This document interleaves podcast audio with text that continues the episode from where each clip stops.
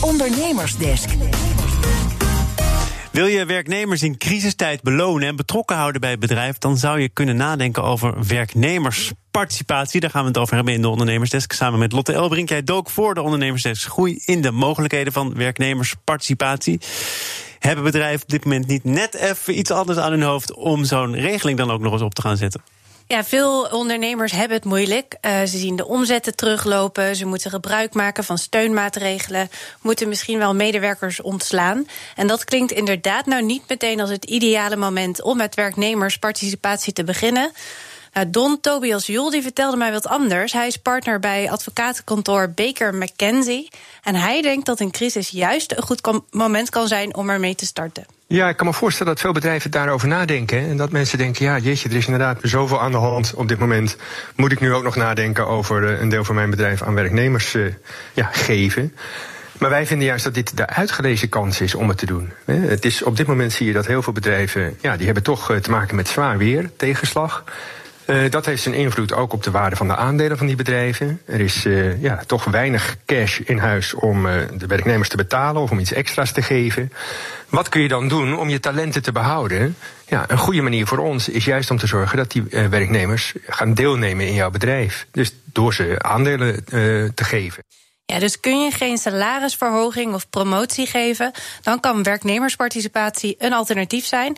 Daarnaast is het ook een manier om iedereen betrokken te houden aandelen of optieplannen, zijn bovendien een enorm goedkope uh, ja, beloningsinstrument eigenlijk. Omdat je zegt in plaats van cash geef ik mijn werknemers aandelen. En die aandelen die hebben nu eigenlijk best een lage waarde. Dat betekent dat ze ja, eigenlijk the only way is up, kun je zeggen. Dus je kunt eigenlijk vrij goed uh, bedenken dat over een tijdje, als we met z'n allen uit de crisis zijn gekomen, de waarde van die aandelen juist weer omhoog zal gaan. Nou, en dat is eigenlijk precies wat je wilt bereiken met aandelenparticipaties. Werknemers die met z'n allen ervoor gaan om een bedrijf ja, weer uh, omhoog uh, te brengen in de economie. En daarvoor uh, ook worden beloond. Ja, dat is eigenlijk op dit moment het, het ideale moment om te doen. Onthoud ik even, the only way is up. Of is dat toch met iets te veel zekerheid gezegd? Want het schijnt toch ook nog wel verder omlaag te kunnen. Ja, dat klopt. En in het allerergste geval overleeft je bedrijf de crisis misschien wel heel, helemaal niet. En dan zitten je medewerkers straks met aandelen die niet waard zijn. In dat geval zou je eens kunnen kijken naar aandelenopties. Want wat is een optie? Een optie is eigenlijk, nou laten we zeggen, ik zeg op dit moment ehm, is de waarde van mijn aandeel 10 euro. Ik geef jou de mogelijkheid om over een poosje een aandeel te kopen dat 10 euro waard is. Nou, dan hoop je dus dat de werknemers allemaal heel eendrachtig aan de slag gaan. En zeggen, joh, ik ga werken eh, naar een verhoging van de waarde van mijn aandeel. Eigenlijk een verhoging van de waarde van mijn bedrijf.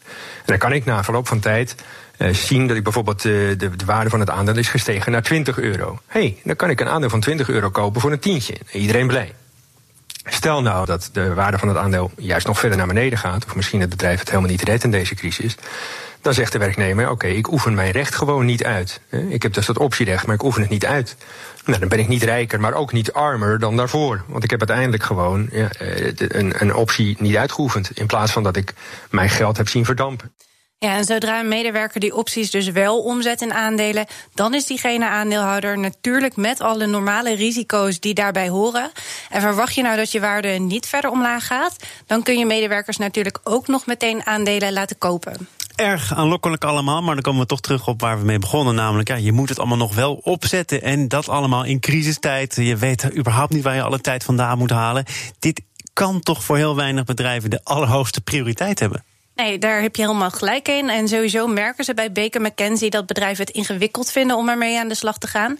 Daarom werken ze nu samen met financieel dienstverlener Captain, ook wel eens hier te gast geweest. Ze werken aan een soort uh, standaardoplossing die MKB'ers en scale-ups vrij makkelijk zelf kunnen invoeren zowel start-ups, en dan denken we eigenlijk aan de iets grotere start-ups, die bijvoorbeeld al één investeringsronde hebben gehad, eh, tot aan het MKB, eh, dus de al wat grotere bedrijven. Die willen allemaal best graag uh, aandelenparticipatie hebben in hun bedrijf. En wat houdt nou die bedrijven tegen? Is vaak dat bedrijven zeggen: joh, het is zo complex. Dan moeten we een plan, dat is ingewikkeld, dan moet er een administratie, dat is ook allemaal vrij moeilijk. Um, dat houdt ons een beetje tegen. En we dachten, daar moeten we toch iets op kunnen vinden. En zo zijn we gekomen op een soort plug-and-play oplossing. En wij proberen juist die complexiteit eruit te halen. En te zeggen, joh, het hoeft niet ingewikkeld te zijn. Als je gewoon voor een relatief eenvoudige standaardoplossing gaat. Dan kan het ook eenvoudig worden geïmplementeerd.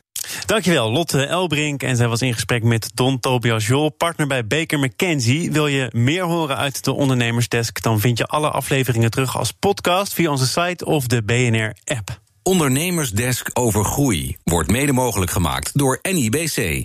NIBC, de bank voor ondernemende mensen.